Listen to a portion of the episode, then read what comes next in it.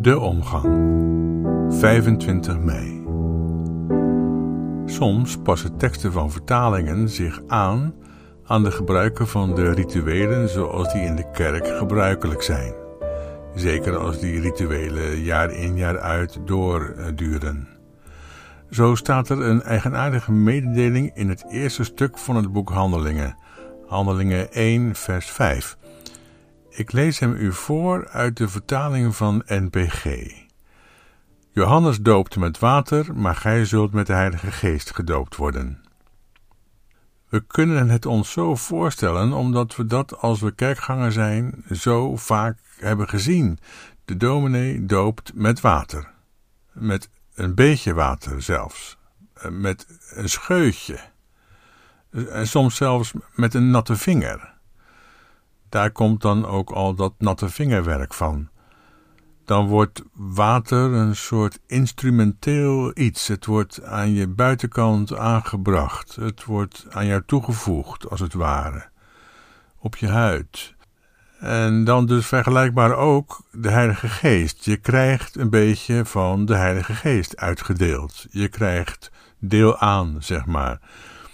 Maar je hoeft niet zo heel veel Grieks gehad te hebben op school om te zien dat het er toch echt niet staat in het Grieks waarin het boek Handelingen geschreven is.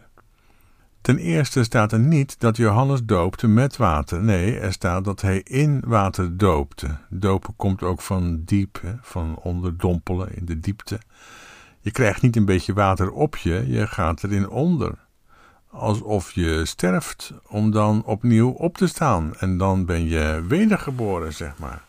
Maar dat komt omdat je de werkelijkheid, als je verbonden bent geraakt met de Messias van Israël, zo anders beleeft, zo vanuit het perspectief van de Anawim, die beroemde en beruchte minste broeders en zusters van de Heer, die jou aankijken en vragen: geef me wat te eten alsjeblieft of te drinken. Zo vanuit het perspectief van de kruisdragers, onder wie de gekruisigde zich bevindt, dat het net is alsof je een nieuw leven begonnen bent. Of je opnieuw bent geboren, zeg maar. Zo radicaal anders is het. Johannes doopte in water. Dat is het eerste wat werd gezegd. Maar gij, zo gaat Jezus dan verder.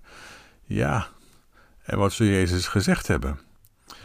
Letterlijk staat er dit: Maar gij zult in Heilige Geest gedoopt worden. Niet met, maar erin. En ook niet met de Heilige Geest, alsof er ook nog andere geest zou bestaan. Wat een raar idee. Nee, Jezus zegt: Zoals Johannes doopte in water, zo wordt gij gedoopt in geest. Gedoopt in Heilige Geest. Je krijgt dus niet een beetje van de Heilige Geest mee en blijft verder gewoon ongeveer dezelfde die je was. Ben je gek?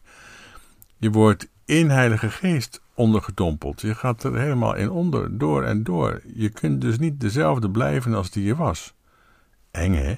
Ja, beetje wel.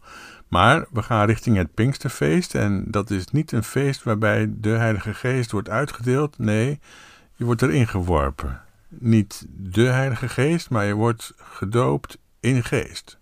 Gedoopt in Heilige Geest. En dat betekent dat je alles, maar dan ook alles vanuit een ander perspectief gaat zien. Moet het zo radicaal volgens Jezus? Ja, dat moet. Want natte vingerwerk en halfwerk en lauw zijn, dat zijn allemaal aspecten die ons misschien aanspreken. Doe maar kalm aan, dan breekt het lijntje niet. Maar dat lijntje moet nou juist wel breken, want alleen dat past bij het vernieuwende van het koninkrijk. Radicaliteit. Veel theologie heeft tot doel de boodschap van Messias aan te passen aan onze werkelijkheid.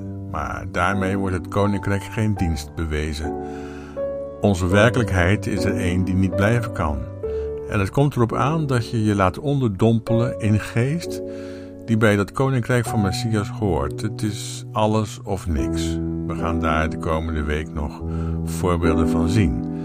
Voor nu bedankt voor het luisteren en tot morgen.